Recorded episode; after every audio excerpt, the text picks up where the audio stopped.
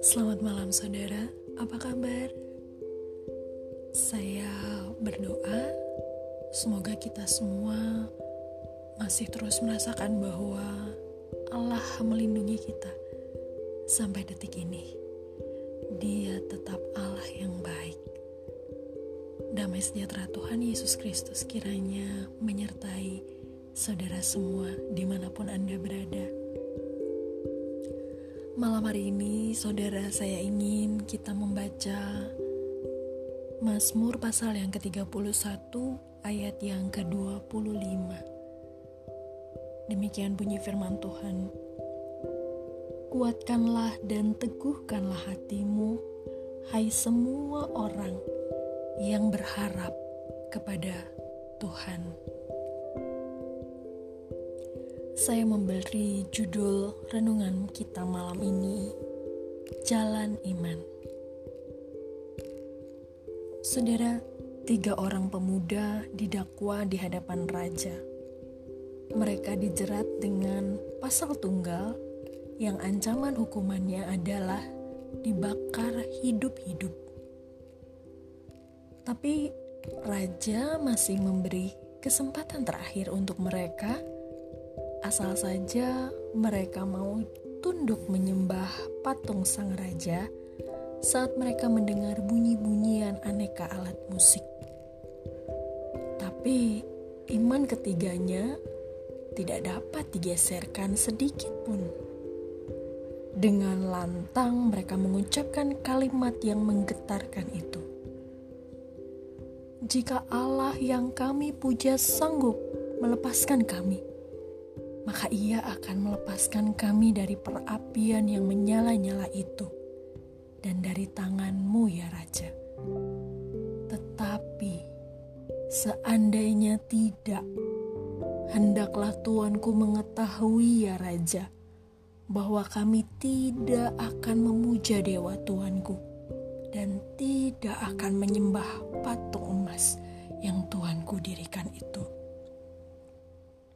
Ya, anda pasti sudah menebak.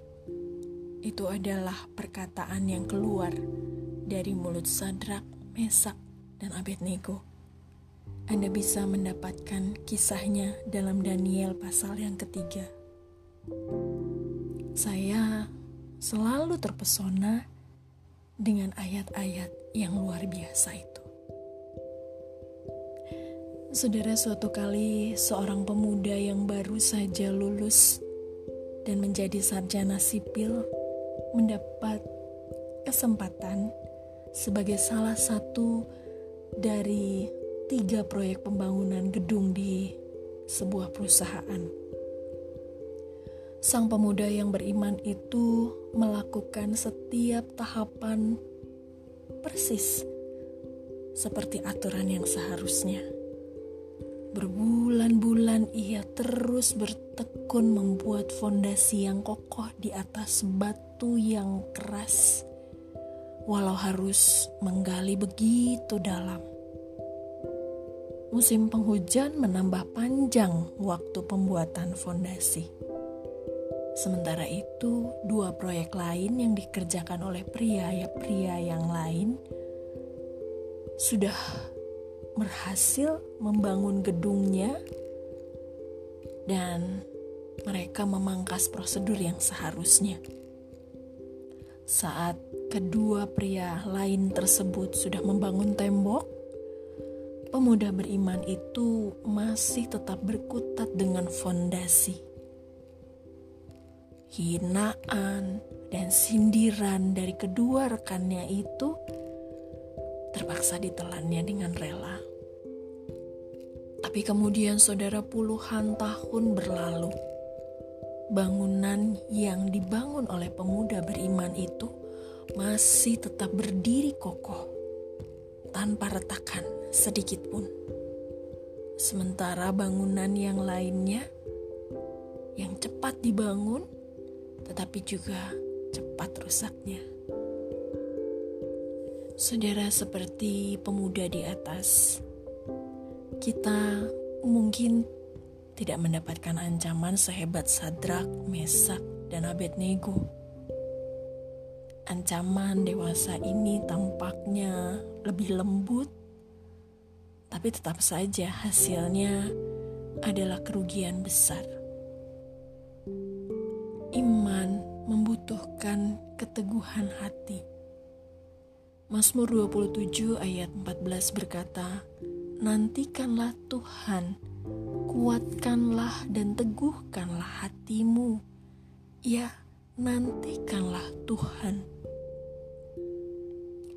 Saudara menantikan Tuhan sambil terus menjalani perintahnya di masa-masa sulit. Itu adalah jalan iman. Mari saudara, sesulit apa pun masalah yang Anda hadapi, persoalan yang menekan dan menindih hidup Anda, teruslah berjalan dalam jalan iman.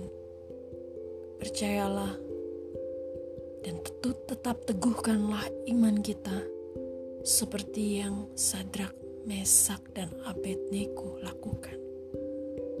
Sekalipun Tuhan tidak menjawab sesuai dengan yang kita minta, percayalah, ada janji yang lebih besar, harapan yang lebih indah di keabadian nanti.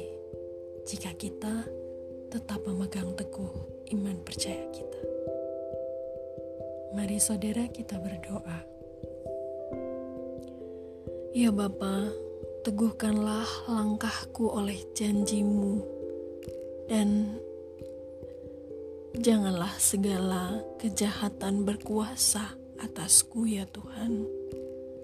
Tuntunlah aku di jalan-jalan sulit hidupku ini dengan tetap setia kepadamu. Di dalam nama Tuhan Yesus Kristus. Amin. Selamat beristirahat saudara. Roh Kudus akan terus mengajari kita dan memberi kekuatan untuk kita melangkah di jalan iman. Terima kasih saudara, selamat beristirahat, selamat malam, Tuhan Yesus memberkati.